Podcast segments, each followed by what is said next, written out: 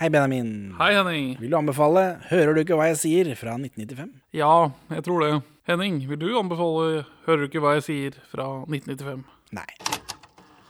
Sitter dere her og ser på ballet? Er ikke dere ute perler forsvinne? Hæ?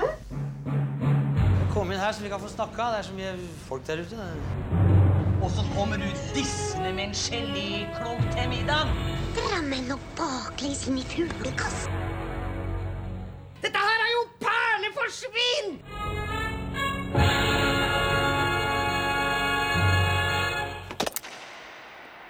Velkommen til Perleforsvinn, podkasten for tog. Ja, her er det også noe tog, jeg stemmer. Her er jo masse tog. Dette kom overraskende på meg. Vi er to middelmådige menn i 30-åra som ser norske filmperler. Og i dag så har vi sett Norges første standup-film, eller film om standup. I dag har vi sett første gang en standup figurerer i norsk film? spørsmålstegn. Jeg er ikke helt sikker på om det stemmer. Det tror jeg ikke stemmer. Det er iallfall uh, det regissøren påstår. Det skal ikke jeg ta ansvar for, hva han driver med. Og så har det kommet en annen standup-film ganske nylig, så jeg. Eh, ja, det er den der koronafilmen til Petter Næss. er det ikke noe å le av, eller noe sånt noe, Ja. med han eh, Odd Magnus Wilhelmsson, hvor alle fikk korona på settet, og det var litt sånn trøblete. Men først da, så må jeg ha en shout-out til Hardkokt norsk film filmklubb. Denne filmen var vel ønsket av oss på et eller annet tidspunkt? Ja, den Den Den, vi, den Var det Herman, tror du vi nevnte? Jeg husker ikke akkurat når. Ja. Jo, det kan fort ha vært. Det er jo samme regissør, i hvert fall. Det stemmer. Så vi fikk den tilsendt i fjor, men ting tar tid, da. Men eh, her er vi, endelig. Eh, De sendte også med et intervju av regissør Erik Gustavsson, eh, som er tiltenkt DVD-en. Men jeg visste ikke at denne var gitt ut på DVD. Jeg har ikke sett den. Det må være ett eksemplar, da. Som de ga til bestemora hans, eller hva faen. Det virker litt vanskelig å få tak i, sånn rent generelt. Ja, men i forbindelse med det så har jeg rota litt rundt på avisarkivet om norsk DVD. For det første, supertrist å lese om alle de glade videosjappeeierne som selger VHS og DVD så det spruter i fysiske butikker, og entusiasmen er liksom på topp. Det er helt hjerteskjærende. Ja, Det kan ikke gå nedover. sorgen for tapet av videobutikken er økende i meg. Ja, Det, det blir bare verre. ja, ja, det er eh, Jeg vet ikke, det må jo gå en sånn runde Når kommer den der vinylrunden tilbake? Til liksom DVD? VHS? Ja, den- VHS er litt for, det er litt for vondt å selge, men DVD, da? Jeg var hos en, en av våre lyttere her forleden, en venn av meg, og han har nå begynt med fysisk format på film. Han er først og fremst lytters dernest venn. ja, altså, jeg har jo aldri slutta med det, men når er det den uh, vinylgreia hvor For nå finnes det jo butikker som bare selger vinyl. Uh, Nisjebutikker der, riktignok. En og annen i Oslo. Men det eksisterer jo. ja, eh, nei, men eh, jeg, jeg, jeg har observert i et par venner at fysiske formater Ikke lyttere. Uh, nei, bare én av tre som er relevante, Ja, det er er si lyttere, dessverre. Uh, jeg har observert i disse tre av mine venner at de har begynt med fysisk format på film igjen som en følge av at TV-er har blitt bedre, samtidig som streamingtjenester eh, bruker så kynisk komprimering som de kan for å spare penger på å sende disse digitale filmene ut til deg. Så hvis du har en knallbra TV, og du får et ræva komprimert eh, Netflix-film som ikke takler svart i det hele tatt, så blir det veldig fristende med Blu-ray-en isteden. Og det, det kan hjelpe på på det fysiske formatet etter hvert, da. Uansett, hvilke internasjonale filmer var de første på norsk DVD i 1998? da? For det var da de liksom begynte med DVD i Norge, tydeligvis. Hvilke var de første? Første, ja. Internasjonale. Det, vi vet jo fra før av at den første norske filmen på DVD er Olsmanns siste stikk. Det vet jeg ikke. Å, herregud. Gjett, da! I 1998. Titanic. Nei. Det Die er Hard. Mr. Bean-filmen. En film som heter 187. Vet ikke hva det er for noe. Og så er det GI Jane. Ja. I 2000 så ble importen av en film forbudt i Norge. Hvilken? Sannheten riket? Nei, det er dummere enn som så. The Waterboy. Oi. Den har jeg på, fått på VHS, i hvert fall. Ja, ja, ja, men dette er snakk om DVD-er. Altså, det, greia her, dette er Det kommer av en rettssak mellom Sandrew Metronome Video Norge og videosjappa Aker Mic, som denne videosjappa importerte amerikanske DVD-er sone 1. Akersmik. Yes. Ja, det var òg en av de siste Tandberg-selgerne i Norge. ja. Ja, eh, men de importerte eh, amerikanske DVD-er i sone 1 lenge før de kom i norsk versjon. Opptredde halvt år før. Og, eh, og det ville jo selvfølgelig disse distributørene ikke ha noe av. For det går utover salget deres, da, selvfølgelig, hvis folk kan kjøpe filmen et halvt år før han kommer på, på sone 2. Da. Og The Waterboy ble brukt som eksempel. Det var liksom den de tok til retten. Gøy.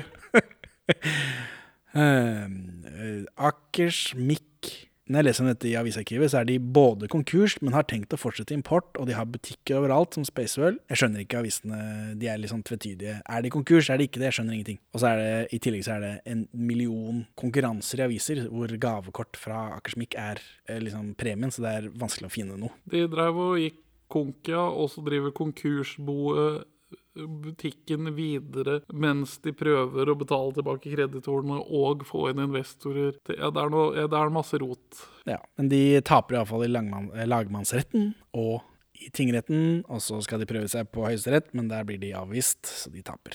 Eh, og så fant jeg en artikkel fra Østlandsposten 25.1.2000 med tittelen 'Norsk film gjør seg på DVD', hvor en haug med nye norske DVD-er blir annonsert. Blant annet, hører du ikke hva jeg sier, eh, Suffløsen, Sal er de som tørster, Blind gudinne, som er den TV-serien som hører med Sal er de som tørster. Uh, ingen av disse filmene kom på DVD.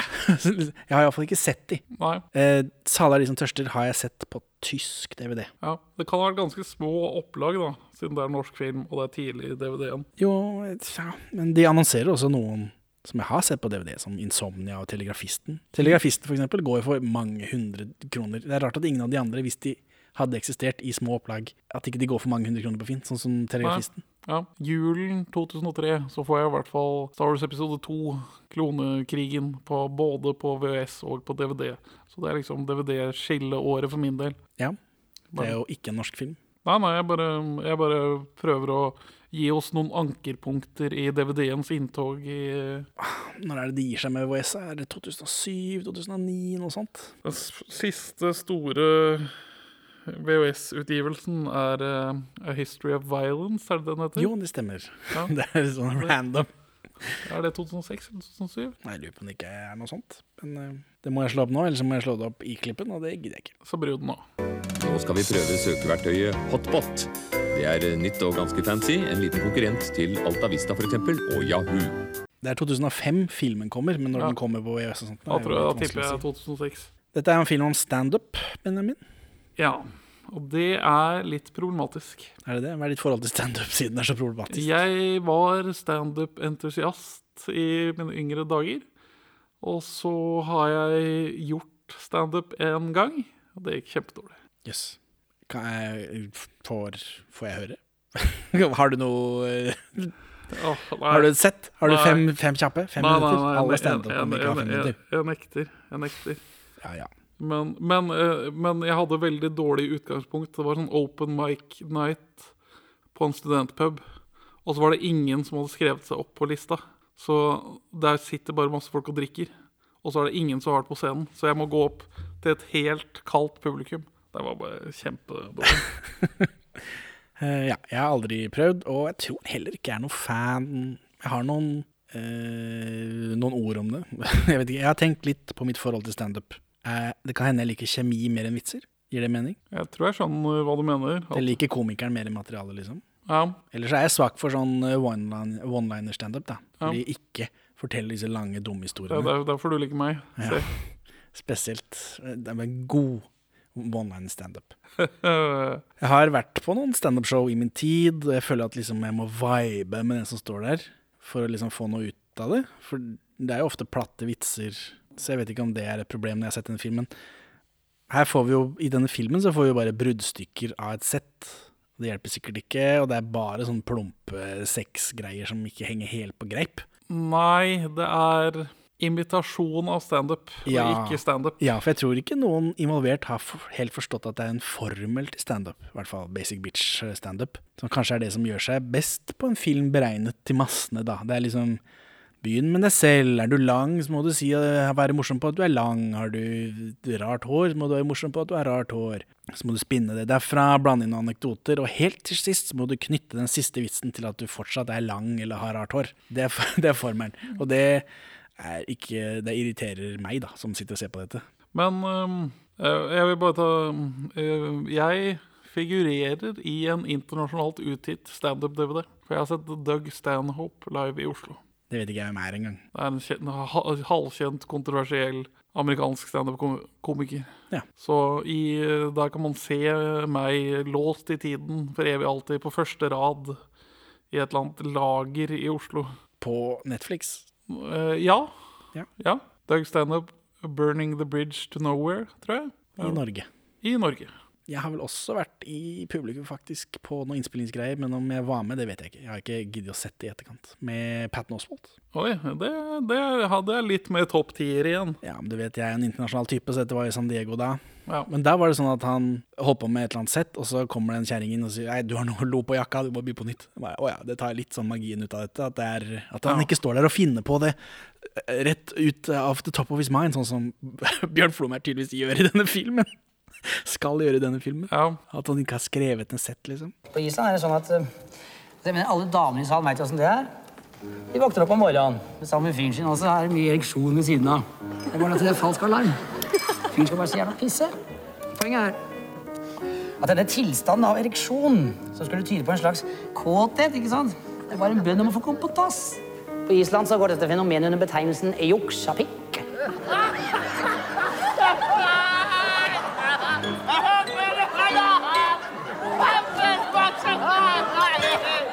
Dette er jo nok en Erik Gustavsson-film skrevet av Lars Saabye Christensen etter både Telegrafisten, som tidligere nevnt på DVD, og Herman, som er episode 117 av denne podcasten.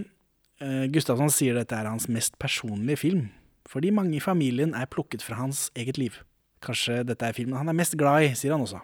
Eh, og så sier, han, så sier han at han snakket med en av Norges største komikere, som var involvert helt til det siste, før han hoppet av rett før filmen skulle lages. Vet du hvem det var? ja. For det sier ikke han noe om i dette intervjuet. Gjør han ikke det? Nei. Så det, det, da, da har jeg jo noen småplukk som Ja, ja, ja, det er derfor jeg spør deg. Øyvind Blunk. Øyvind Blunk. Dette Øyvind Blunk var med langt ut Ja, ja, preproden. for han spiller jo Zorro i Herman av en eller annen mystisk grunn. Jeg, siterer fra artikkelen 'Ny puls for Gustafsson' i et eller annet filmmagasin. Her er vi, har vi orden på sysakene. Ja, det er bra. Eh, hører du ikke hva jeg sier, er en film som har forandret seg siden produksjonen ble innledet i fjor høst med Øyvind Blunk i hovedrollen, og som ved sin premiere fremstår som en film som balanserer mellom komedie og drama, med Bjørn Floberg i hovedrollen. Så det, det jeg plukker ut av det intervjuet her, er at filmen var mye mindre runkete på et tidspunkt. Så ble den hakket mer runkete når man fikk inn artisten Bjørn Floberg. Vet, det Erik Gustavsson sier i dette intervjuet som følger med DVD-en, som jeg har fått tilsendt av, eh, av hardkokt uh, norsk film filmklubb, shout-out til dere, så sier han at uh, denne personen, som ikke han vil nevne, men som er Blunk tydeligvis, var redd for at filmen ikke skulle være komedie nok. Så da var det lett å ringe Bjørn Floberg da, når han liksom datt ut. Siden Bjørn Floberg har jobbet med Erik Gustavsson både i Herman og Telegrafisten. I et eller annet filmblad så følger det med en CD med en del av soundtracket til denne. Ja, for det er veldig busy, vil jeg si. Ja. Og da er det eh, sangen 'Fyrstikker og regn', skrevet av Lars Saabye Christensen og sunget av Kjersti Holmen. Og beskrivelsen av filmen her eh, er, eh, treffer noe på kornet som jeg ikke skjønte før jeg leste det. Og det er en romantisk komedie med satiriske undertoner, inspirert av Woody Allen. Annie Hall så er jo Woody Allen standup-komiker, og han har kjærlighetsproblemer, og han bryter den fjerde veggen og snakker direkte i kamera. Altså, det er jo en jazz-stilisert jazz-tog-remake av Annie Hall, dette. Ane Hall. Ja, nå har ikke jeg sett så mye Woody Allen, da. Nei, nei, men jeg, jeg, jeg, jeg skjønner godt hva denne lille beskrivelsen av scenen som følger med bladet sier. Den er litt sånn artsy-fartsy. Ja, det er prøver- jazz, og Woody Allen er jo veldig glad i jazz, da. Ja, og så um, bryte den fjerde veggen. Og dattera si er han også veldig glad i. Heyo. Det og, og, og det, det liker spesielt godt fra denne listen over alle de norske soundtrackene som er med på CD-en, som følger med gratis i bladet, er at det står 'lydkilde', kolon, DAT. En type digital kassett, da. Mens, mens den låta, 'Den forsvunne pølsemaker', den er fra sånn 78-plate. Ja. Så dette, dette, dette er ryddig, syns jeg. Som sånn formatrunker, som jeg er. Ja. Men hvor var standup i Norge i 1995? Står det noe om det på CD-en din? Nei. Hvem er Norges første standuper? Har du noe forslag? Arve Oppsal. Han ble nevnt som komiker flere steder ja, det er ikke det samme som standup. i avisen Fritt Folk mellom 1940 og 1945. Mm, Ja, de har jo peiling på komedie, disse folka i Fritt Folk. Men har du noen forslag, da? Jeg har flere i hjernebarken som jeg ikke er helt sikker på hvorfor, hvorfor jeg har der. Johan Golden. Nei, men det er sånn Med litt usikker kildeinnvisning så har, jeg Dagfinn Lyngbø i huet, Thomas Giertsen, Herodes Falsk. Jeg tror, jeg tror Thomas Giertsen er den som ofte har blitt Eller blir kreditert med å ha brakt den moderne standupen til Norge. Vi kan jo se hva Avisarkivet sier. Første gang standup blir brukt i rett sammenheng i Avisarkivet, er i Minnesota-posten fra 1966. Ikke sant? Men det går på engelsk, så det telles ikke. Neste gang er i avisa Friheten i 1975, i, artiklen, uh, i en artikkel om filmen Lenny, som jo handler om standup. Ja. Så, så det er heller ikke det jeg leter etter når jeg skal finne Norges første standup-komiker. Og i 1983 så virker det å gå et TV-program med Martin Mull, en amerikansk standup-komiker som jeg kjenner som Gene Parmesan i Arrested Development. Han detektiven der. Um, men dette er jo fra programsidene, så det er jo bare et TV-program som går på TV, tror jeg. Men da begynner de iallfall å bruke ordet. Og så, i 1984, så treffer jeg Jack Putt. Jackpot på norsk. Ja. Herodes Falsk gir ut standup-plate. Born i Drammen, og i den forbindelse så får den en dårlig anmeldelse i lokalavisa Tromsø, som bruker ordet standup om det Herodes Falsk, Herodes Falsk driver med. Så da tror jeg vi kan legge den ballen død. Ja. Herodes Falsk er Norges første standuper. Det har han vel også sagt, og det stemmer jo da. Um, sånn side note så er, er Herodes Falsk uh, Norges første standup-komiker. Virker å ha blitt en sånn høyrevridd raring i John Cleese-formen, med covid denial og Ja. sånt noe på Twitter. Folk har ikke godt av å bli gamle. Nei, det gjelder å dra en Hunter S. Thompson for de fleste av oss. Ja. Men, men, men jeg har i hvert fall hørt norske komikere snakke om Thomas Giertsen sin plagiat av amerikansk standup. At han basically lånte materialet sitt rimelig direkte. Ja, det er sikkert derfor jeg også har det i hodet. Og så har jeg vel hørt at da Dagfinn Lyngbø begynte med standup, så visste ikke folk hva det var, så de måtte kalle det for talkshow. Så det er vel derfor jeg hadde han i hodet, men som sagt, han dukker jo ikke opp i dette. Uh, greit nok at Herodes Falsk driver med standup på 80-tallet, men det er liksom, han var, var i fortroppen, mens han ledet ikke den bølgen som gjorde standup til noe allment på slutten av 90-tallet. Ja, la oss se, da. Erik Gustavsson sier at han var mye i Amerika på begynnelsen av 90-tallet, fordi han jobbet på et par filmer hos Warner Bros. som ikke ble noe av. Eh, og det var derfor han fikk ideen til å lage en film om humor, da. Eh, og standup som ikke var så kjent i Norge, sier han. Eh, og så sier han at det var et halvt års tid, halvt år, halvt, eh, halvt, et halvt år slash års tid, som skilte filmen fra når standup kom til Norge, sier han i dette intervjuet. Men stemmer dette, da? Ja, Herodes Fast turnerer med standupshowet Falsk Boy i 1985. Så da er jo han allerede i gang. Han er jo tross alt Norges første standup-komiker. men det kan jo hende at uh, nå, er, nå er ikke jeg noe Herodes Falsk-entusiast. Men jeg mistenker jo at det fort det han har drevet med, er one man-revy. Det kan han ikke, men han står vel bare rett opp og ned og så sier han rumpe og sånt noe. Ja. Hvis jeg kjenner hans humor rett. Eh, men- Og det er jo en form for standup. Altså, revy er jo Ja, tja. Det er fullt mulig han tar på seg en parykk også, og noen løstenner. Jeg er fare for det. Men Aftenposten kaller Wenche Myhre en standup-comedian i 1986, så nå er det flere, flere folk da, som begynner å få denne merkelappen. Østlendingen kaller Harald Eide Steen jr. for standup-comedian i 1990. Tromsø melder i 19... Altså avisa Tromsø melder i 1990 at Kine Hellebust, eh, Randi i Serum Serum, skal reise til USA for å studere standup comedians. Og etter det så skal han være instruktør for revyen på Landbrukshøgskolen i Ås. Og i 1990 så har også Herodes Falsk da, han reker rundt med et standup-show. Og så er det en artikkel som går i alle landets lokalaviser i 1991, virker det som. Så nevnes det at Tande P har vært standup-komiker i ti år alt. Så fra 1981, da. I 1981 så er han Dagbladet-journalist, og han driver med humor, så det Ja, ja. Per Inge Torkelsen og Steinar Lyse kaller seg selv standup-komikere. Comedians. De, de sier det på engelsk. I VG 20.12.1991. Arthur Arntzen. Kjenner du han? Ja. Han ble kalt standup-comedian i Harstad Tiden i 1992. Og her slår jeg meg egentlig til ro med at alle norske komikere noensinne har blitt kalt nettopp standup-comedians. Og i 1993 så begynner TV 2 å sende Seinfeld, så da burde liksom standup være sånn tålelig innarbeida i, i det norske språket, i hvert fall, om ikke i kulturen. Så Stå opp-komikk. Jeg har jo sett folk kalle det det. Ja. Men Seinfeld begynner på TV 2 i 1993. Denne filmen kommer i 95. Folk vet hva standup er, Erik Gustavsen. Ja, det er full av dritt. Men altså, dette intervjuet er jo lagd lenge etterpå, da. Kanskje fem år etterpå, hvis DVD-en kom såpass tidlig som de sier den skal, men som aldri skjedde.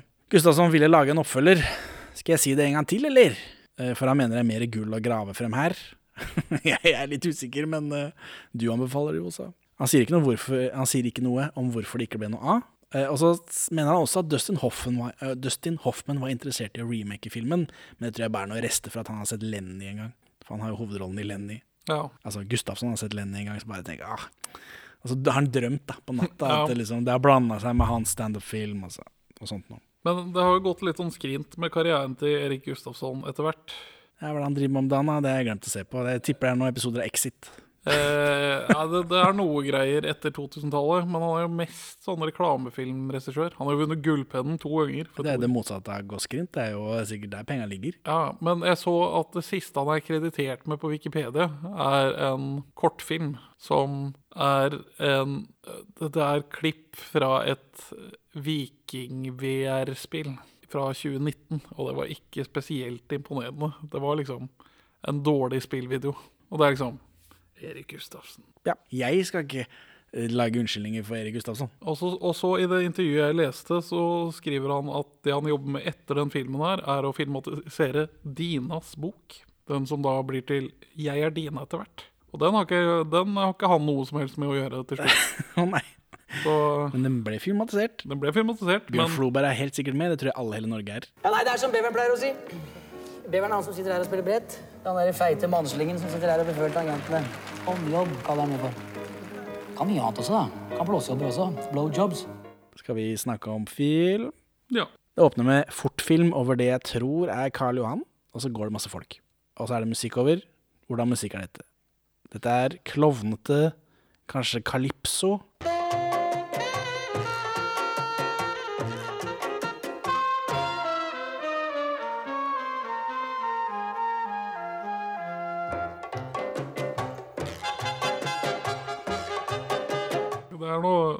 Humormusikk. Det gjør seg på en CD fra DAT. Ja. Altså får vi Bjørn Floberg som røyker på en eh, psykiatrisofa, psykologsofa. Og psykologen ser veldig, veldig kjent ut. Han ser kjent ut, ja. Er det noen du kjenner igjen? er, Blir du glad? jeg, jeg klarte ikke å koble han til hvem han var i Den danske Olsenmannen. Men jeg skjønte at dette, dette har jeg sett flere ganger. Ja, men, så du vet fortsatt ikke hvem det er? Jo da, det er Holm. Oh yeah, det er danske Holm. Herlig måne. Unge mann. Tenk at han skulle dukke opp i norsk film. Ja, hvem hadde trodd det? Nei Også i en sånn ikke noe rolle. Ja, Hvorfor er dette en danske, tenkte jeg. Men det er bare sånn det er i norsk film. Selv om jeg trodde det var en trend som begynte på 2000-tallet, men tydeligvis ikke da. Nei. Så, men så går vi rett i flashback.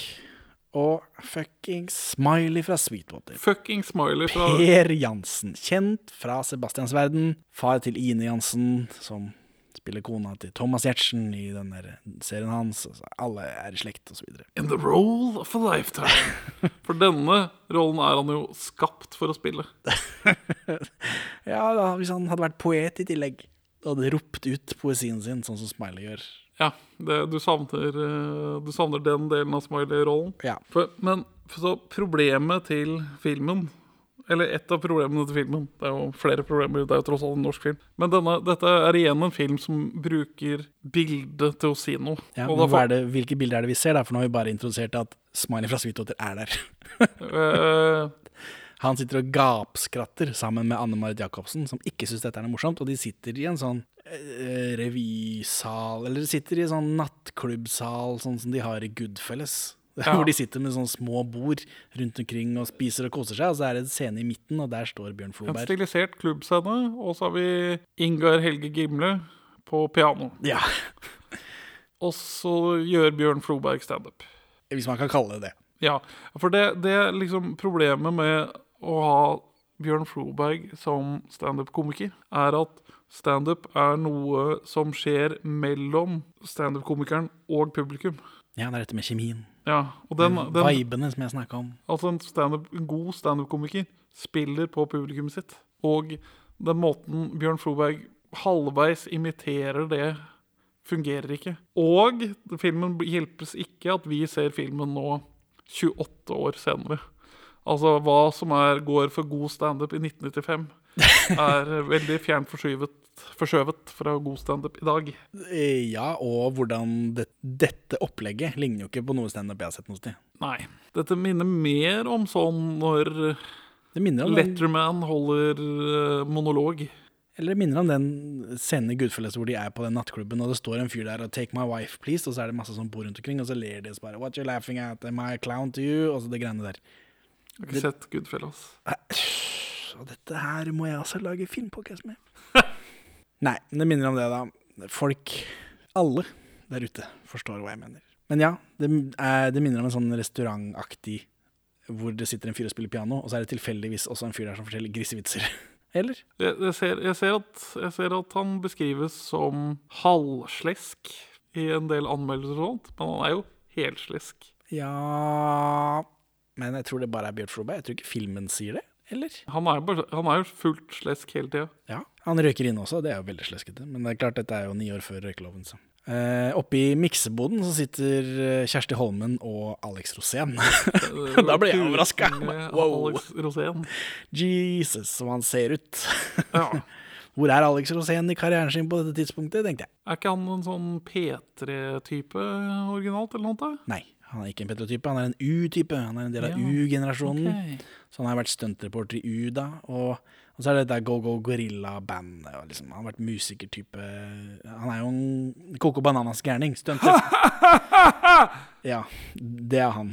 Og her er han og- Men det er bare, det er bare utro han har gjort enn så lenge. Og så fortsetter han å være stuntreporter eh, til langt opp i OL i Nagano, eller hva faen han holder på der òg.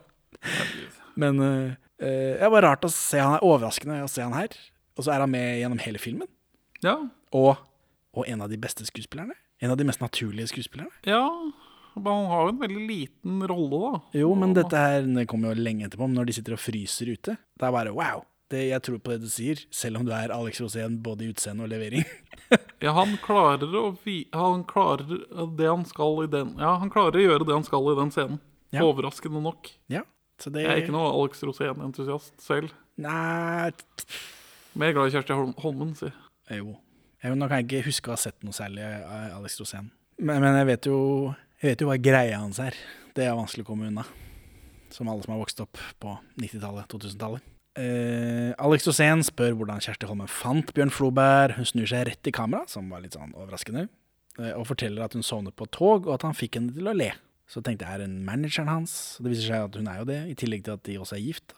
Ingar Helge Gimle spiller piano, mens eh, Floberg forteller dårlige grisevitser. Og mobber Ingar Helge Gimme. Ja, men det må være lov hvis man driver show. Det er Ja. ikke, jeg mobber deg masse når vi sitter her og podcaster. Ja, det er en klassisk dynamikk når man har en tosomhet på en scene. Paul Shafer, liksom. Han ligner jo litt på Paul Shafer. Nei, Paul Schäfer har jo ikke hår. Mens Guy Helge Gimle har jo her også noe hår på hodet, i tillegg til resten av kroppen. Ja, Paul Schaefer hadde en gang i tiden, under Letterman-perioden, fortsatt litt hår. Bare så det er sagt.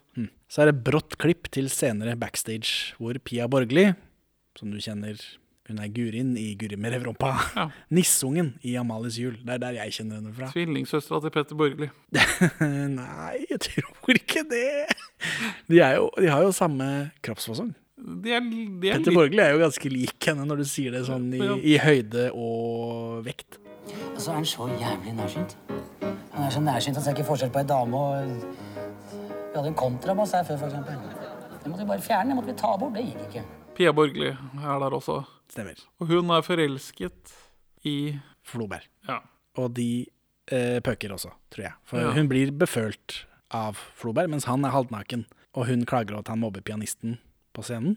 Man skulle, altså, dette er også en film som tror at standup er noe man bare sier når man står der. At de bare, at man bare kommer på ting. ja. Det tror jeg ikke stemmer. man har jo gjerne forberedt på forhånd hva man skal si. Nei, nei, man, man improviserer noe, men man Jo, har må, jo det er dette med å bølge med publikum, da, men dette her er jo ikke det. Nei. Nei. Så hun klager da over at han mobber pianisten Ingar Helge Gimle på scenen, som om ikke dette er avtalt spill. Han svarer jo også og syns liksom å være liksom, Ja, ja. Han er jo helt kul på det. Det er ikke sikkert han er kul på det på kvelden, at han gråter seg i søvn, men på scenen så er jo dette en god dynamikk, syns jeg. Som funker bedre enn når Bjørn Floberg bare står der helt alene. Det lukter nok våt pels når Ingar Helge Gimle gråter seg i søvn. Det kan nok hende. Hun ser også i kamera, så dette er noe alle gjør. Eh, Så sier hun at hennes problem er at hun forelsker seg i de største drittsekkene. Og så kommer Per Jansen, han tar seg inn i garderoben, for han er så stor fan. Han blir høflig jaget ut, mens han ler hele tiden og ser rett i kamera og sier at han har alle videoene også. Så det er tydelig at Bjørn Floberg utgir standupen sin på video. Ja, jaggu. Ikke gjorde norske standupere det Er det Raw, dette? Er det Eddie Murphy, dette? For han har jo vært i Amerika, han eh, Jeg kan ikke huske å ha sett norsk standup utgitt. på VHS Nei, før 1995. nei. Nei, ikke jeg heller. Men sånn, du har jo sånne Arthur Arntzen-plater og sånt, da. Jo, men det er ikke det samme som kassetter. Altså videoer, sier han. Videoer. Uh, I mikseboden så kliner Holmen og Rosén, så det er, så det er ikke hva er som skjer her. Eh, Hun ber han om å ikke lage sugemerker. Alex Rosén ser også rett inn i kameraet. For det, det I polykulen til Ja, Bjørn Floberg og Kjersti Holmen, så er det en av reglene. At uh, man ikke skal bli etterlatt merker av andre. Ja, eller det virker som regelen er at man ikke skal vite det. For, på, for de ligger rundt og ordner og styrer. Alle, de har hver sin elsker, elskerinne osv. Han ligger med masse folk. Uh, På et tidspunkt så buster hun han med to stuepiker, eller hva faen det er for noe. Som i en uh, sånn penthouse eh, eh, Dear penthouse. Ja, Men, og da blir hun forbanna. Så det virker som om liksom, greia er at ja, vi ligger rundt og koser oss, og det er ikke noe problem det, men vi kan ikke vite om det. De har en åpen hemmelighet som deres løsning på åpent forhold, virker det som. ja. Ja. Ja. Eh, Det er sikkert ikke sunt, men det er sånn det blir sikkert noen ganger. Bjørn Floberg og Kjersti Holmen er i gullbryllup, og her trodde jeg nesten at det skulle være en musikalscene, men det var det heldigvis ikke. For er det noe De spiller musikk, og så synger Det er tre døtre, da. Hvorav Kjersti Holmen er i midten, og så er det en yngre og en eldre som jeg aldri har sett hverken før eller siden. Og så står de og synger, og så driver Ingrid Vardun, mora, hjemme hos oss, og danser med en random svenske. Og så er dette familien til Holmen, da. Eh, og så eh, Alle i rommet de, Nå går kameraet bare rundt i rommet, alle introduserer seg rett i kamera. Eh, det er Kim Haugen fra Buddy hjemme hos oss, Herman.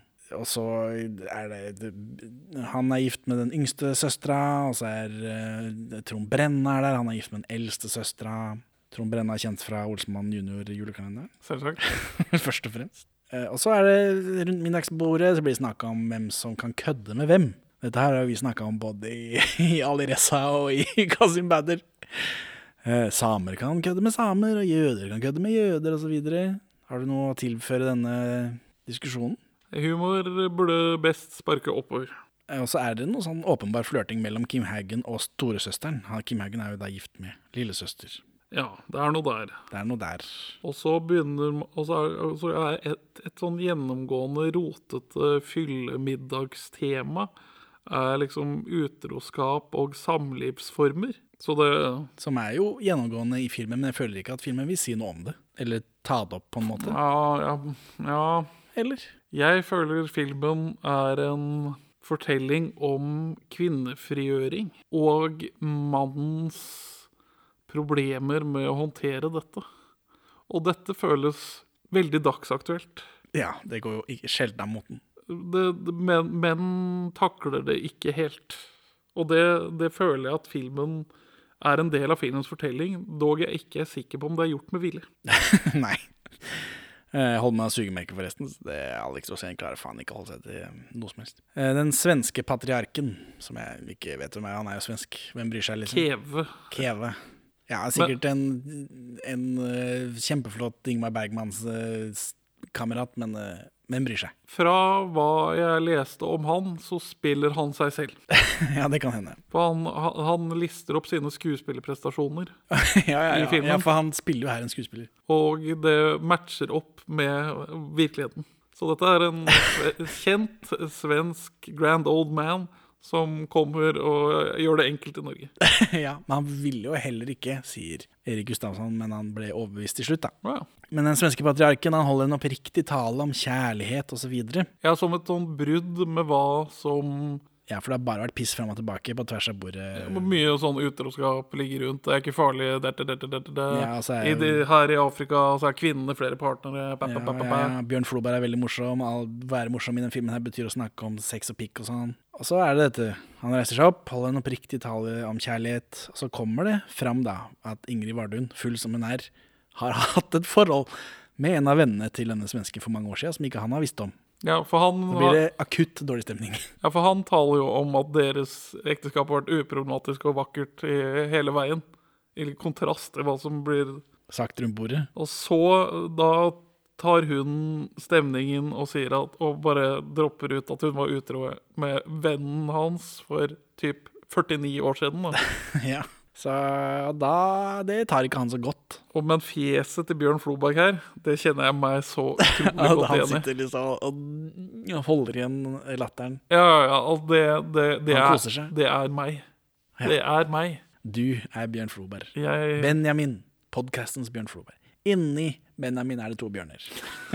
en av dem er Floberg. Og den andre er Sundquist. Antar jeg. Spennende. Eh, Men han svensken heller vin i fanget på Vardun, og så går han. Eh, Floberg flirer og er udregelig hele tiden, har jeg skrevet, så det er jo deg, da. Ja. Så er vi hjemme hos Floberg. Han er enig med svigermor. Kjersti Holmen knuser en stol i hodet på Floberg mens han snakker i kamera. Så dette er noe humorgreier som ingen tar seg nær av. Det skjer flere ganger, det, men det er veldig høyt tempo i filmen.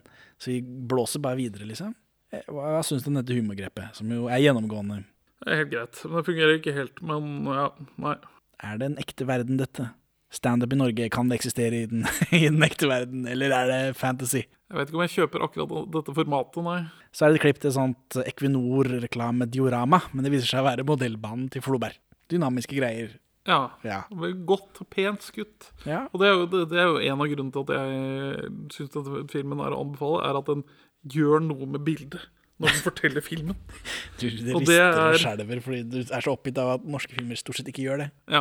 uh, og, og, og dette er- og, eh, Jeg snakket i Olsenbanden jr. om at det, det, dette er en film som er lagd med forakt for barn. Eller at dette var en serie som er lagd med forakt for barn. Uh, dette Måten de portretterer togbaneentusiasmen til Bjørn Floberg, føles veldig ekte. Det føles veldig levd. ja, kanskje. Men her er det iallfall to tog som krasjer på denne banen. Altså. Det vil, noen vil kanskje kalle det symbolikk. Ja. Det er veldig ukjent for meg som norsk filmtitter. Så Dette må du forklare veldig sakte. ja. Eh, Men så drar Floberg og Holmen, eller de dukker bare opp, det skjer bare, de klipper dit, eh, til en, mobil, en modelltogbutikk. Og hvem er det som står i kassa der? Aner ikke. Per Christensen, jag, jetpilot i slalåmen i himmelen. Ja. Som vanlig seg selv lik. Alfons i Elling, da. Ja. Ja. Dette tror jeg er en ekte En ekte modellbutikk. ja, det virker som det letteste måten å gjøre det på. Um, Floberg vil at Per Christensen skal fikse toget hans, da, for de krasja jo. Og så får vi noe dialog jeg setter pris på. da. Jeg liker sånn Jeg liker å få innblikk i andres nerdeverden. Ja, for det er en eller annen fyr et eller annet sted som må bryte opp, selge samlingen sin, tydeligvis. Ja. Og det, det reagerer de på at han Det, det Det kalles dø. På deres stammespråk så kalles det for å ta et sidespor. Eller å Ja, jeg var ikke helt, eh, det var litt vanskelig å følge med, for jeg forsto ikke helt Det hørtes ut For han skulle bryte opp, og da tenkte jeg er det, Da har han drevet butikk, og så kan han legge ned, så må han selge alt sammen. Nei, men Hvordan Altså han har, han, jeg tror han har personlige økonomiske problemer. Også, Men du må ikke selge alt. Men det høres ut som det måtte man gjøre.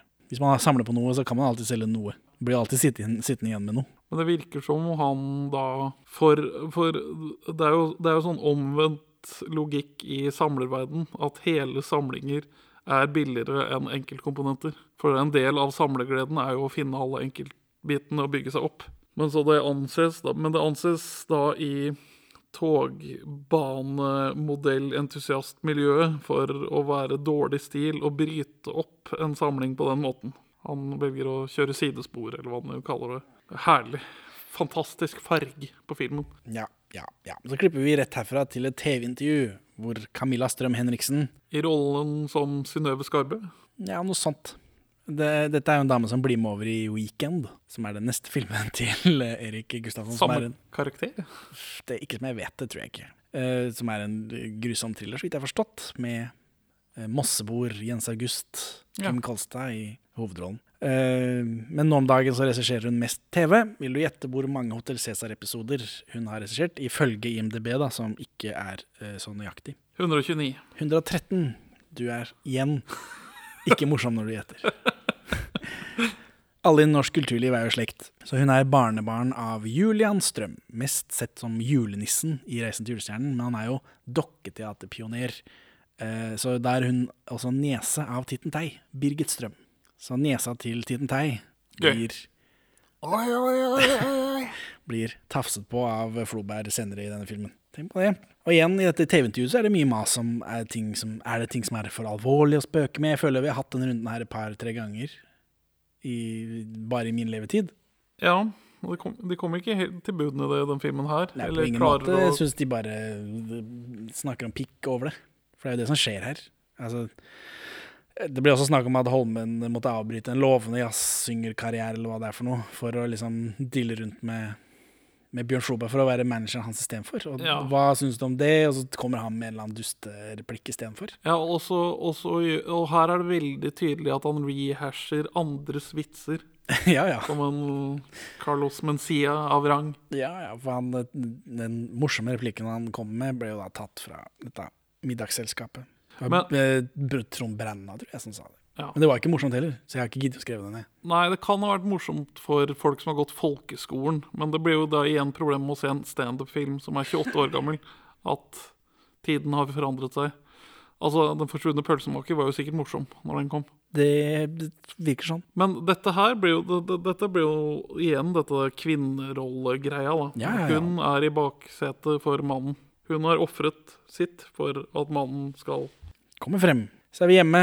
Holmen synger og spiller piano når Floberg kommer hjem. Her cosplayer de at de har barn. Før Ja. de kommer på at ikke de har barn, så da kan de bare knulle til den sirkusmusikken igjen. Dette er vel kanskje mer en uh, kommentar på det moderne paret som velger å ikke få barn.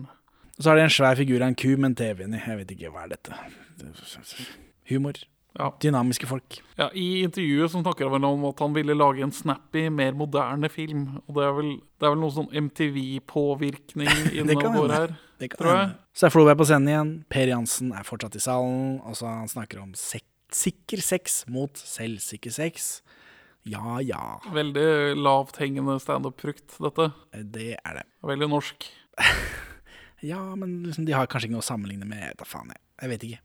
Backstage i pausen så dukker TV-journalisten opp, og vi får se rumpa til niesa til Tittentei. Så puler de. Floberg og niesa til, til Titten Tei. Ja. Floberg er ikke redd for å få flis i pikken. Nei. Eh, og så kommer Per Jansson og forstyrrer. Og her sier Floberg at han improviserer. Altså, Seinfeld har gått på TV2, og folk vet jo hva standup er. Jeg vet ikke. Altså, hva faen får du det til? Jeg improviserer. Jeg, impros jeg, improviserer, ja. Jeg akkurat improviserte. Og så driver Holmen og knuller Rosén. Og så går Floberg på scenen igjen og snakker om å knulle journalisten, og om at svigerfar ble sur og gikk fordi svigermor hadde et forhold på si. Så han improviserer jo faktisk, da. Så, så sånn fungerer det i denne fantasy-verden. Eh, og så sitter svigerfar i salen og ops, men det får vi ikke vite før lenge etterpå. Eller altså, vi får vite det, men han får ikke vite det. Søsteren ringer Holmen, og her får vi se pikken til Alex Rosén. Ja. Som jeg føler Det er sikkert ikke siste gang Nei. i hans karriere, føler jeg, uten at Han jeg kan komme på den typen. Ja. Eh, For han hopper opp etter å ha pult eh, Kjersti Holmen, og så begynner han å spille trommer. På scenen så sier Floberg i kamera at nå skal han ta Per Jansen. Han er jo veldig irriterende, selvfølgelig. Floberg forteller knullehistorier om mora si til Per Jansen ler seg i hjel. For dette ble presentert som plott i filmen. Ja. Standup-mann får en fyr til å le seg i hjel, og så er det vanskelig å gjøre standup etterpå. Men dette er, føles som en mer sånn en, sånn bisetning. ja. Vi er 28 minutter ut i filmen nå. Ja, nettopp. Det tok veldig lang tid. Så er det gjenopplivning i sort-hvitt, slow Dramatisk. motion. Og så klipper vi tilbake til psykologen, som vi fint kunne klart oss uten. Og så er vi inn i flashback igjen. Eh, Rammefortellinger er vi ikke så gode på i Norge. Eh, Dagen etter eh, så henter Floberg avisa på trammen, og det er masse journalister der, og svigerfar, som erklærer at han bor her. Så han bare marsjerer rett inn. Ja, for det liker jeg med eh, svigerfarens reaksjon på å bli krenket av sin kone. Er å bare erklære 'jeg er såret, jeg går'. Det, det, det som, eh, som moderne mann som idealiserer eh, eh, Kan ha en tendens til å idealisere gamle mannsideal, så uh, syns jeg det er en vakker måte å løse det på. Altså ikke gå i konflikt, men å bare si 'dette er ikke greit', ha det bra'. Men så må du komme tilbake igjen etterpå. Det er det som er vanskelig. Er det ikke det? Det er da det blir kleint. Må, må. Ja, får se hva mine farsfigurer har gjort opp igjennom. Si. Det er noe psykologi ute og går her, tror jeg. Det kan hende. Jeg føler at eh, man må jo på en måte tilbake igjen etterpå. Så følger en hektisk scene hvor svigermor og svigerfar virker å snakke sammen, men fra hvert sitt hus og rett i kamera, og dette er eneste gang det skjer. Samtidig som resten av familien roter rundt bak dem, og Floberg og Holmen er hos svigerfar, og resten er hos svigermor. De holder ikke telefon eller noe. Hva skjer her? Ja, det er jo, vi, vi ser begge personene prosessere det som har skjedd hver for seg, men klippet sammen, da. For det Det virker de snakker med hverandre. Ja, de, de gjør det uten å gjøre det. Men det skjer bare én gang. Hvorfor skjer det Nei, ikke det, flere ganger? det skjer flere ganger, tror jeg. Nei, ikke sånn at Ikke de snakker med det... hverandre. Jo, det syns jeg. Ja vel.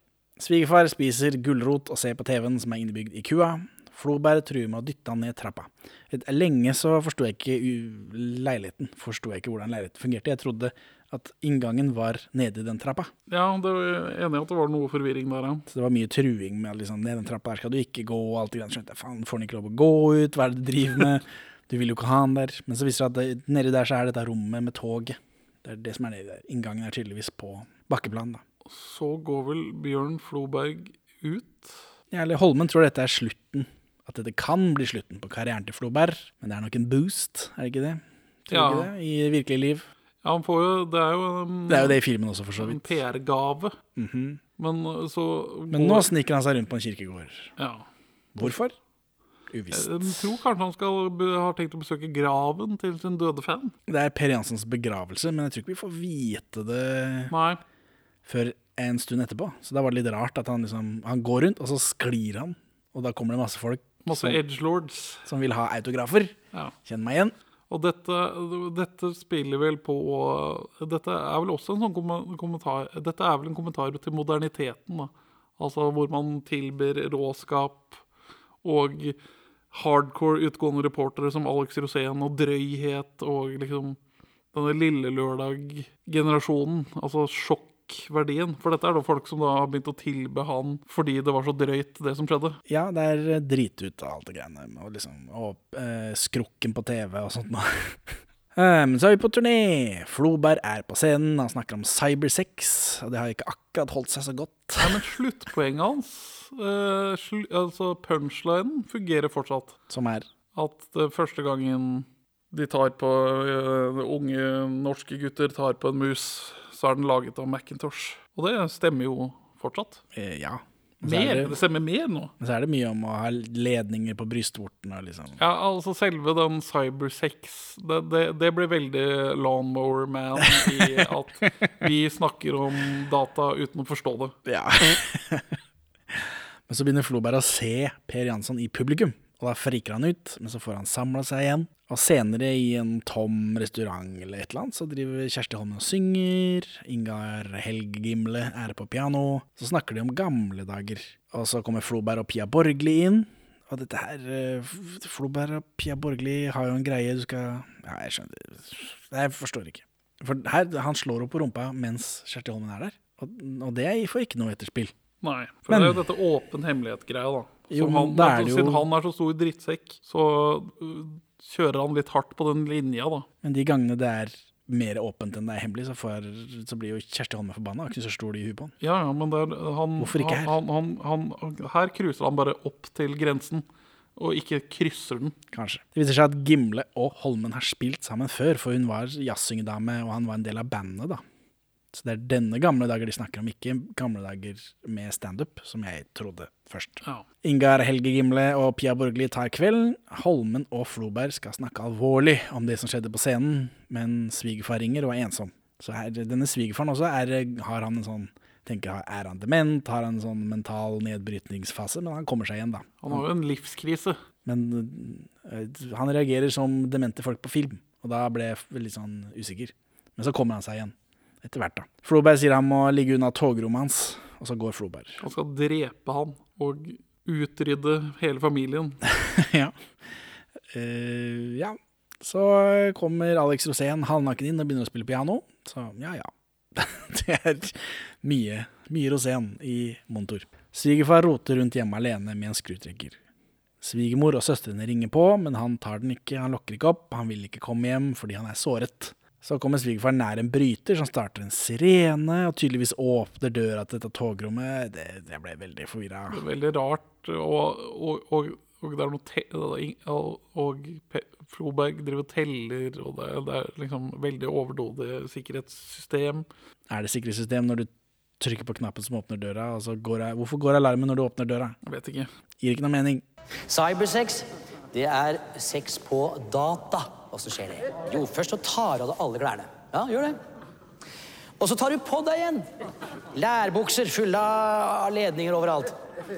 Så tar du alle disse ledningene, og så plugger du dem inn i alle de ledige høla du har i kroppen. Så tar du sånne klemmer, putter på brystvorten her, så skrur du på en dataskjerm, og så holder du et fast grep i musa, og så klikker du i gang. Det er litt trist, da. Men den første musa gutta får kontakt med, er laga av Macintosh.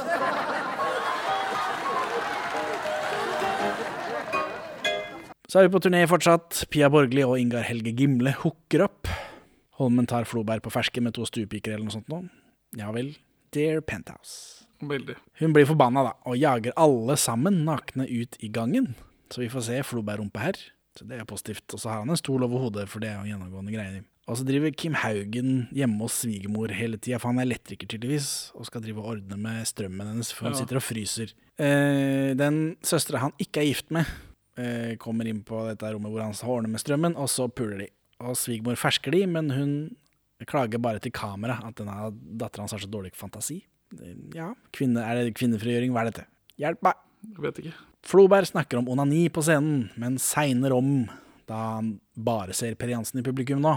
Så da må Kjersti Holmen på scenen, og hun begynner å snakke om sex også, selvfølgelig. Er det lov med kvinnelige komikere i Norge, Benjamin? Det tror jeg ikke. Strengt forbudt. Eh, og så, når publikum har fått nok knulleprat og er liksom klare til å dra, da, så begynner hun å synge, og da, da kommer de tilbake. Men, setter seg ned. det er jo en del eh, De, blir jo for knullepratene hennes òg. Ja, ja. En stund, men så blir det liksom De reiser seg opp for å gå, og da begynner hun å synge i desperasjon. Ja, for det, men øh, det her, filmen viser jo litt sånn forakt for standupen. At standupen aldri får lov til å stå helt på egne bein. Du må ha denne Paul Shafer, Per Ingar, Helge Gimle, pianoduden der òg. Jeg vet ikke om de tror, jeg tror filmen bare tror det er sånn det er. Ja, gamliser, ass. Um, det virker ikke som Floberg liker at det går bra, da. Han ser i kamera eh, og sier at han går og legger seg. Svensken driver og roter i togrommet. Svigermor hiver ut alle tingene til svensken. Alle showene til Flo Floberg er utsolgt, men det er ikke mer enn 200-300 mennesker i hvert show. Så jeg vet ikke, Det er ikke Spektrum han selger ut, for å si det sånn. Men det blir presentert som bra. Floberg ser bare Per Jansen før han skal på scenen. Altså, han ser ingen andre. Floberg fornærmer Holmen, sier at hun er tjukk. Sånn er det å være mann med en liten knekk i selvtilliten. Den beste måten å komme over på igjen, er å rakke ned på en kvinne, helst en som står oss nær. Dette her er gjenkjenning. Dette, ja, ja, ja. Dette, dette har man brent seg på. Holmen synger på scenen, da, og når Floberg ikke orker å gå på, for han er litt sånn redd. Floberg er drita, og så kommer han inn på scenen. Publikum liker visst ikke det. Han, Hva er forskjellen, tenker jeg, på det der Man er mindre swav, selv om den fiendtlige utstrålingen til Petter Floberg er vanskelig å suave opp. Han er ikke akkurat noe James Bond. Petter Floberg. Petter? Jeg tror du sa Petter Floberg. Det kan hende. Det var i hvert fall Roger Floberg jeg mente. Ja. Nei, det, nei, han er veldig aggressiv og sint, og det, han Ja, nei, det funker ikke helt for han. Pia Borgli tar strømmen. Så er vi tilbake hos psykologen i nåtid. Eh, av en eller annen grunn. Floberg forklarer at Holmen er mye morsommere enn han noensinne har vært. Og så kan hun synge i tillegg. Ja. Show don't tell, men det kan igjen være Ja, denne tidsproblemet, da. Det har jeg skrevet ned her. Godt å få forklart at hun er morsom, for det kommer ikke frem av vitsene. Ja, men hun har en altså, Kjersti Holmen er jo veldig sjarmerende, da. Hun, det, er, altså, det er ikke kjempemorsomt, det hun sier, men hun klarer å levere det ganske bra. Og så synger hun overraskende fint. Spørsmålstegn. Jeg ser mot deg, og du ser bort fra meg. Så går vi hver vår vei, og det er for sent. Vi ville alltid gå en annen vei. En som er så, en som er så, en som er som du og jeg. Vi har aldri visst hvem snur seg til sist. Det er jo en veldig banal norsk eh, rolig jazzlåt, så det Jeg har ikke bitt meg merke i det. Jeg ser for meg at alle på film kan synge, hvis man bare får riktig person til å spille inn sangen. Jeg, jeg må høre det på datt først. Så kan jeg På hotellet så er det en mørkhudet mann i veldig afrikansk antrekk som leter på kav norsk etter gingaen sin, som er en slags tromme. Og her tipper jeg at Alex Rosén har tatt den, men dette kommer aldri tilbake. Hva er dette for noe? Jeg skjønner det. Altså, jeg forstår hva dette er, uavhengig av resten av filmen. Dette er en, en vits på fordommer, som vi har snakket om i Pilens flyttebyrå. Men, men, eh, men resten, da. Dette er en form for humor, og så kommer det bare aldri tilbake. Kjersti Holmen og Bjørn Floberg krangler i lobbyen. Turneen er avlyst, de kan dra hjem. Resepsjonisten tar bilde av de i et opphettet øyeblikk, og Floberg angriper han. Og Holmen angriper Floberg igjen med en stol. Ja. Mens hotellvakta, portøren, tar Enda et bilde.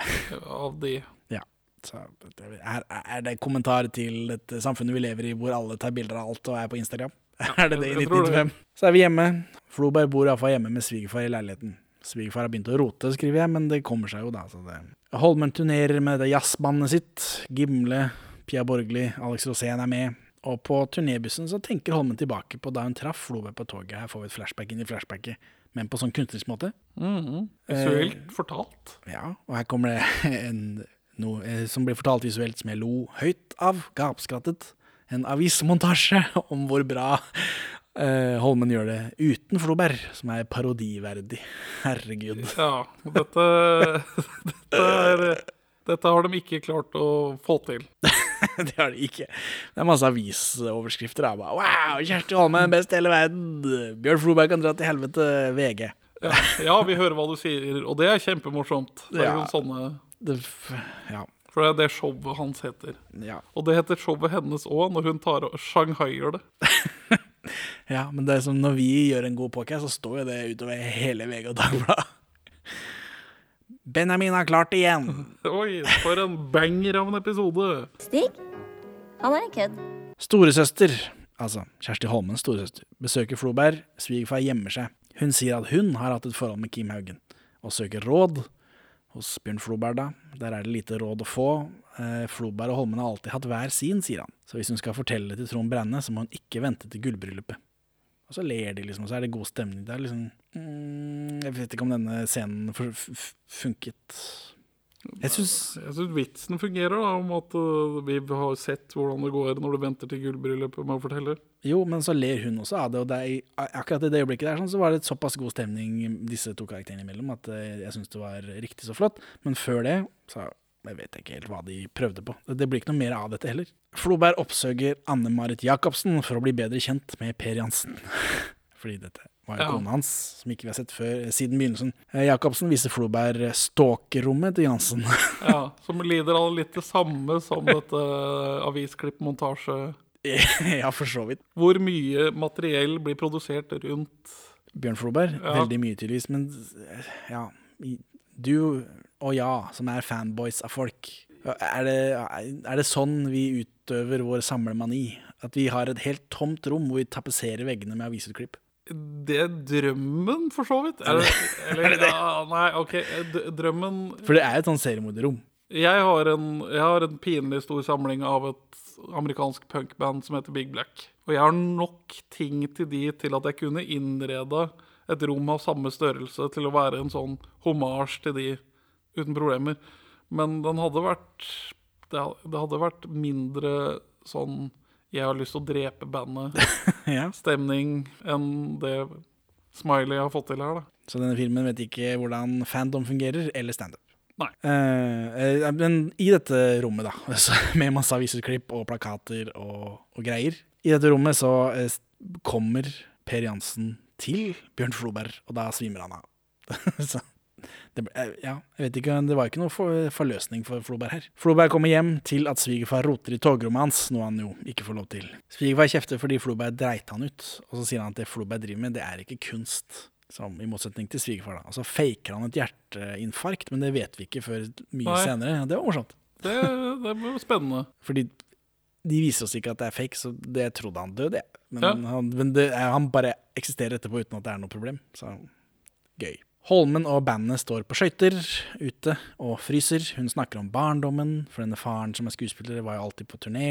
Og hun deler noe ektefølt om seg selv. Hun prøver å åpne seg opp for denne knullevennen sin. Ja, for Alex Osen sitter ved siden av henne. Det, det er denne scenen vi snakket om i stad. Og han svarer med å de, Altså, hun deler en fortelling om en dukke hun fikk, og liksom at det er liksom det eneste hun har spart på, og det betyr noe for henne. At hun ble sett av sin far.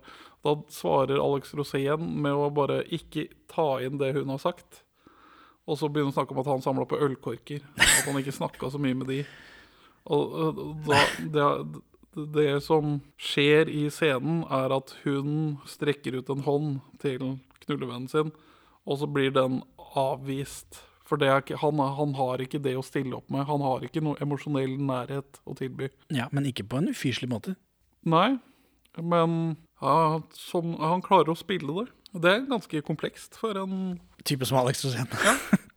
For en med imaget til Alex Rosén. Det, kan hende han er dypere enn imaget sitt. Eh, Så hjemme så skal svigermor reise til Afrika. Fordi en av disse døtrene hennes er tydeligvis forsker i Afrika, eller noe sånt. Floberg og svigerfar roter rundt med togene og koser seg. Nå har de det fint. Ja, nå har de banda over kjærlighet for tog.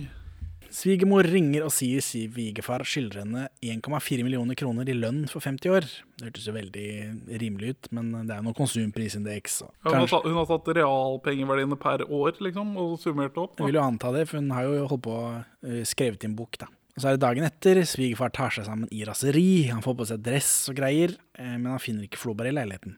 Holmen synger, alle klapper. Floberg er i salen og reiser seg og synger, han òg. Og det blir Holmen sjarmert av. Hvorfor det? Fordi det er vel i kontrast til Alex Roséns avvisning, da. At han prøver å strekke ut en hånd, da. Er det det? Eller er ikke det bare at han, han vil ta over? Nei, han har han ikke det. savner det sug.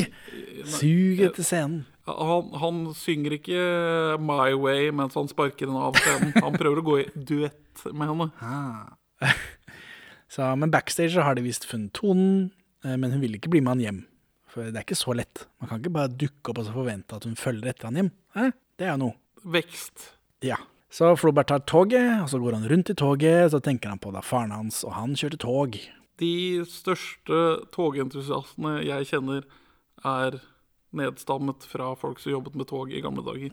Så dette får jeg ekstremt stor gjenkjenning på. Forfra eller bakfra?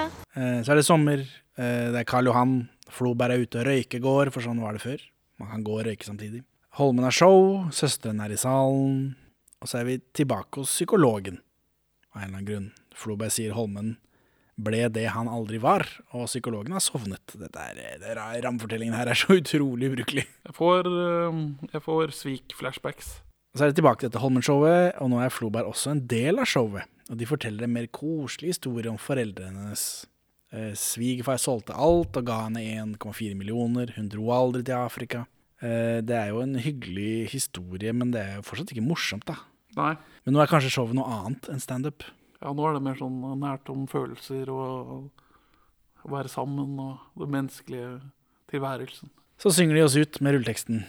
Flaut. The end. Det var flaut. Jeg syns det var litt flaut. Syns det var flaut. Ja, ja. Så Benjamin, hvorfor vil du anbefale Hører du ikke hva jeg sier? fra 1995. Eh, Fordi jeg har litt lyst til å se den igjen, og det er ikke så ofte.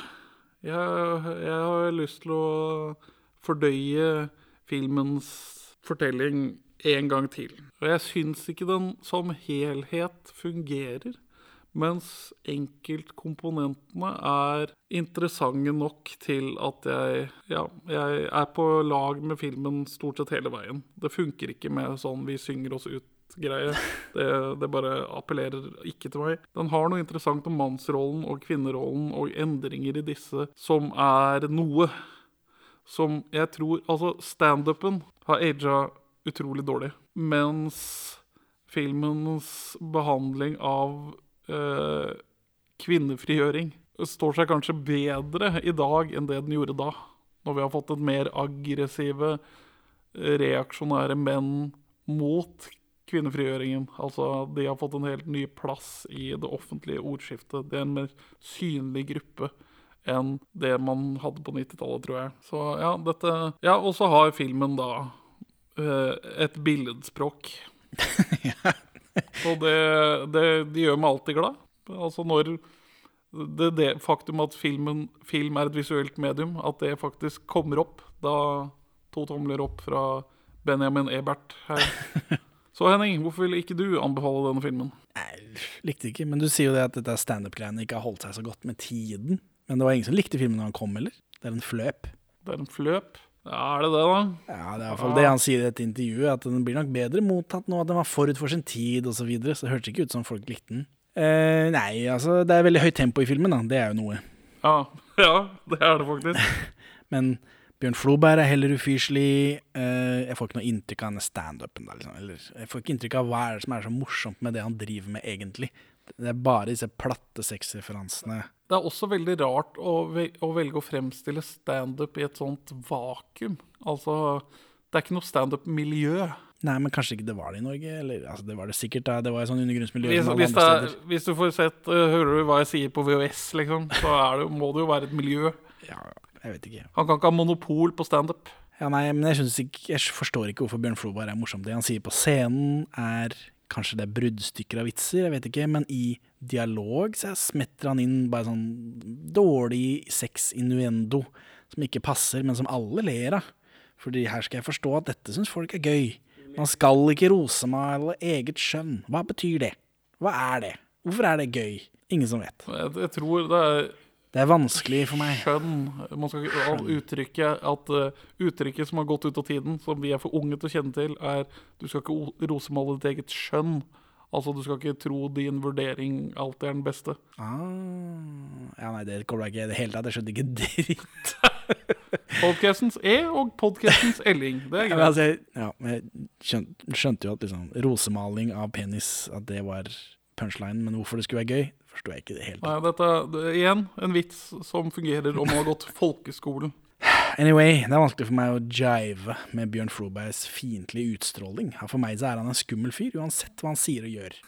Det er sant. Selv om han leker med tog og er glad, så tror jeg at eh, han pønsker på et eller annet. At han skal knuse trynet mitt med baltre som han har rett under togskinnene. Eh, mm, Ja, det er synd å si det om eh, Norges skumleste mann, men er han feil mann for denne rollen?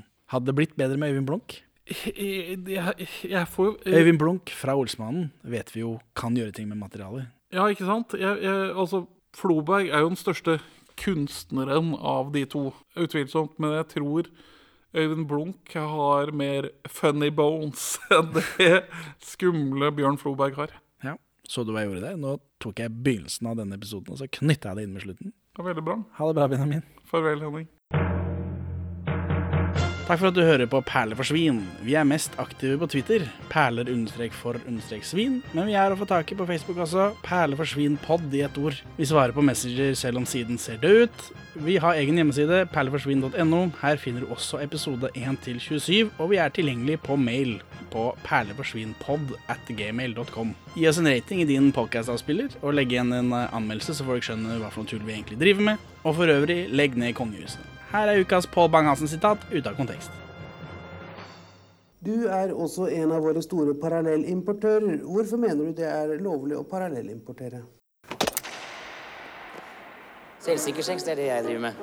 Full kontroll hele tida. Uansett hvor du er, hvor mørkt det er, hvem det er. Du veit hvor allting er. G-punkt der, klitoris der, anus der, pupper der. Askebeger, fyr, røyk, gin tonic. Hvis det er en fin kveld, det er selvsikker sex.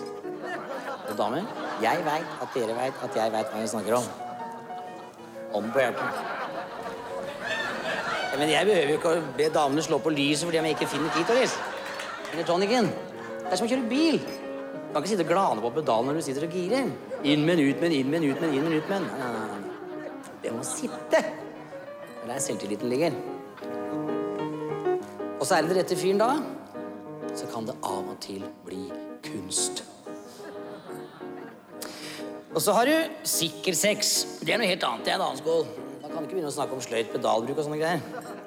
Sikker sex, det er sånn omtrent som, som et glattkjøringskurs. Du slurer og går og surrer rundt i starten, og så blir det til slutt en slags rutine av det. Men det blir aldri kunst. Sjimpansen Julius har ikke noe han skulle sagt. God episode. God episode. Du har ikke hørt den, så du kan bare holde kjeft. Jo, jeg har faktisk hørt den. Svigerfaren min han fikk vite forleden av kona si at hun hadde hatt et forhold på si. Som heter på norsk. For 60 år siden. Vet du hva han gjorde da? Han gikk sin vei. Han tok kofferten og gikk sin vei. Jeg vet hvorfor han ble så sur. Han ble sur for han ikke hadde gjort det samme sjøl. Hatt et forhold på si. Og nå Nå er han for gammel. Han ser trett urødt. Det vet jeg ikke hva det betyr. Han ser trøtt ut. Sikkert. Han ser trøtt ut. Sikkert. Fatter'n kjørte tog, han. Jobba i NSB, 37 år. Hadde mange fine stunder sammen med han. Ja, det var ikke noe sånn sexgreier der. Det var bare sånn helt gammeldags far. sånn greie. Men han var så jævla sliten, så han la på røret i 61 en gang. Men så var det Gregersen, da. Bodde på andre sida av gangen. Gregersen hadde dårlig hjerte. Jævlig dårlig. Dårligst hjerte i gata. Hjerte på feil plass.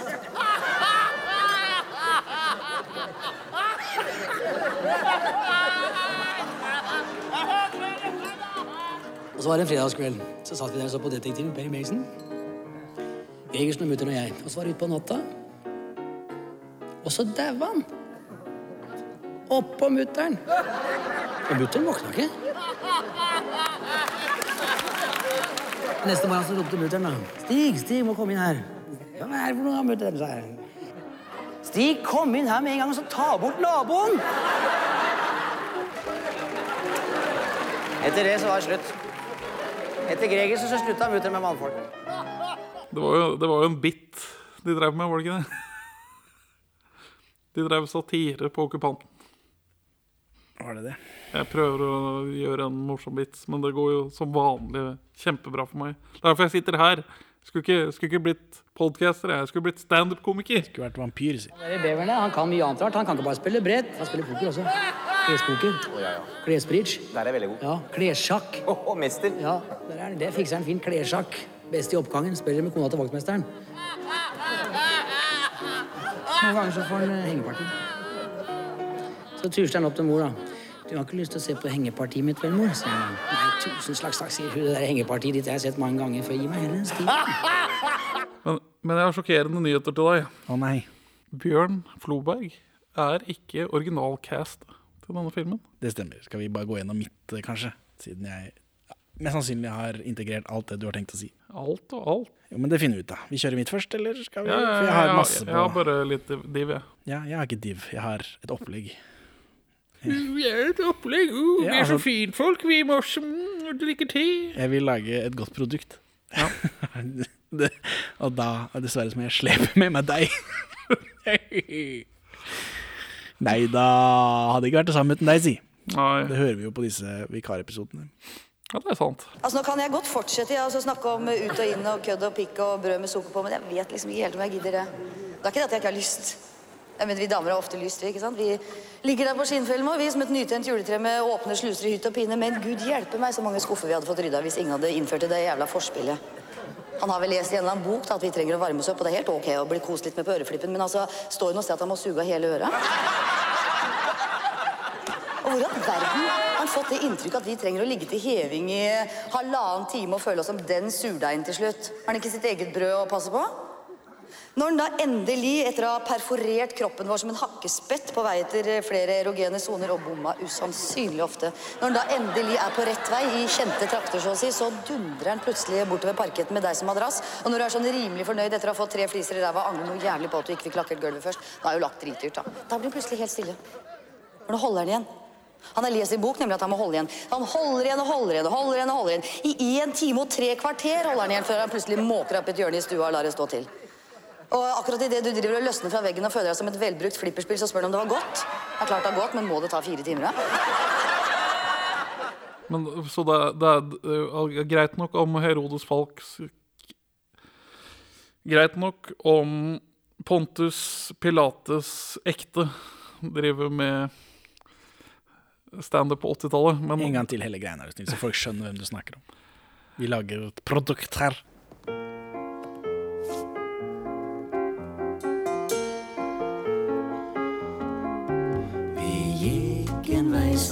Så altfor langt for oss. Og skoene vi brukte ble for små av å gå. Og regnet er en skjev gitar som gråter sine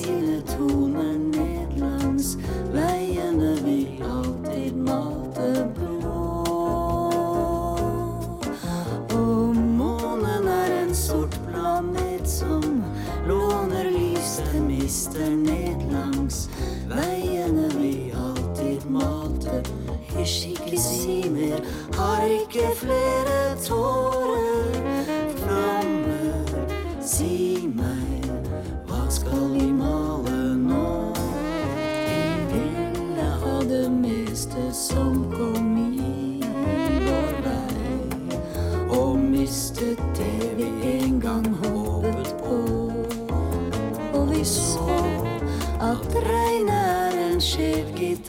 som gråter sine toner ned langs veiene vi alltid malte blå. Og månen er en sort planet som låner lys, den mister ned langs veiene vi alltid malte. Hysj, ikke si mer,